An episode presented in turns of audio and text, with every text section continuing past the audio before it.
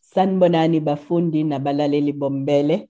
Igama lami ngingusilindile Khanyile siyanamukela futhi engosini yethu lapho sidingida khona umthetho kungulwesibili umhla ka-12 July. Sisaqhubeka nakuleli sonto ukuxoxa ngokuthi umthetho ukusiza kanjani ukuze wonge imali njengoba uJuly kuyinyanga egqugquzela ukuthi kongiwe imali. Enye yezindlela zokukhulisa imali ukuhweba ngamasheya i-trading. Kule minyaka edlule kuqhamuke nokuhweba ngemali yobuchwepheshe kanti enye yaleyo mali eyaziwa kakhulu i-Bitcoin. Nokho-ke ukuqhamuka kwale ndlela entsha sekuvule nentuba yokuthi abantu baqolwe kanti ukubheka ukuthi umthetho ukuvikela kanjani nokuthi kupho kufanele ukuqaphele ukhona ungudwethu womthetho umnumzane umpumelelo zikalala wezikalala attorneys mnumzane zikalala siyakubingelela futhi siyakwamukela kumbele.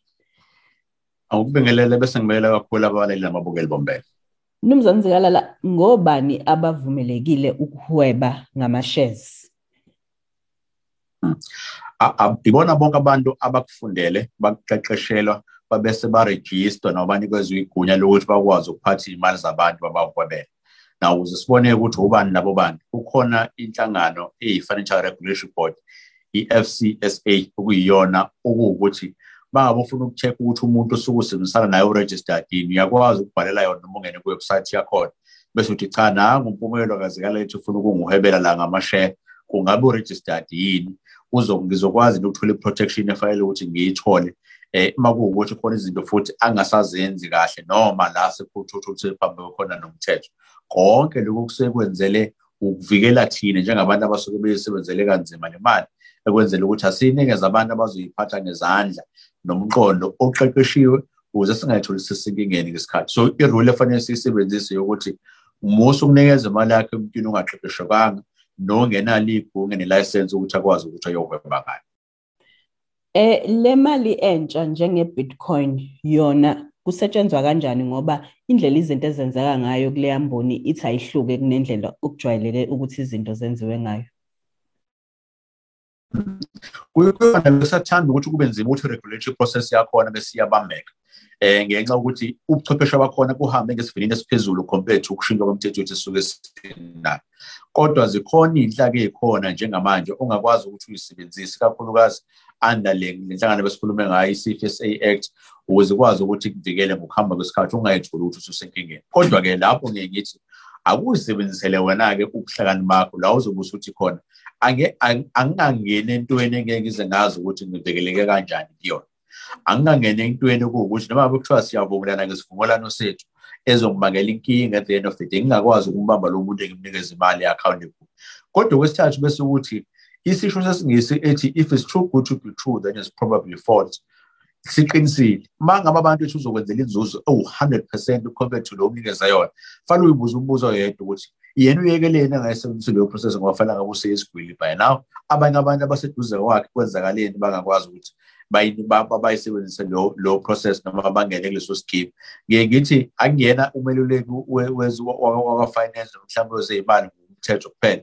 Kodwa ngiye ngithi if inzuzo ngeke ngikwazi ukuyithola ebank or any other private investor fanele ngazi lapho ukuthi lo instrument engiyo-investa kuyona angeke zinginikeza lento engiyifunayo. Nomthetho futhi ngeke uze ungivikele ngokuhamba kwesikhathi ngoba umthetho usuke uthi sikuvikele ey'ntweni ey'suke zisemthethweni kuphela. Okungahambisani nomthetho azi ukuthi noma ngabe ungaya enkantolo inkantolo uzobe isithi nangele ntweni engekho esemthethweni ngeke sikwazi ukusebenzisa umthetho uku-enforce something which is not uh, permissible noma engavunyelwa umthetho ngendlela eyiyona Eh ngokujwayelekile kukhona intela umuntu akhokhiswa yona uma ngabe esethole inzuzo inzuzo ngemali asuke eyitshalile okuthiwa yi-capital gains tax.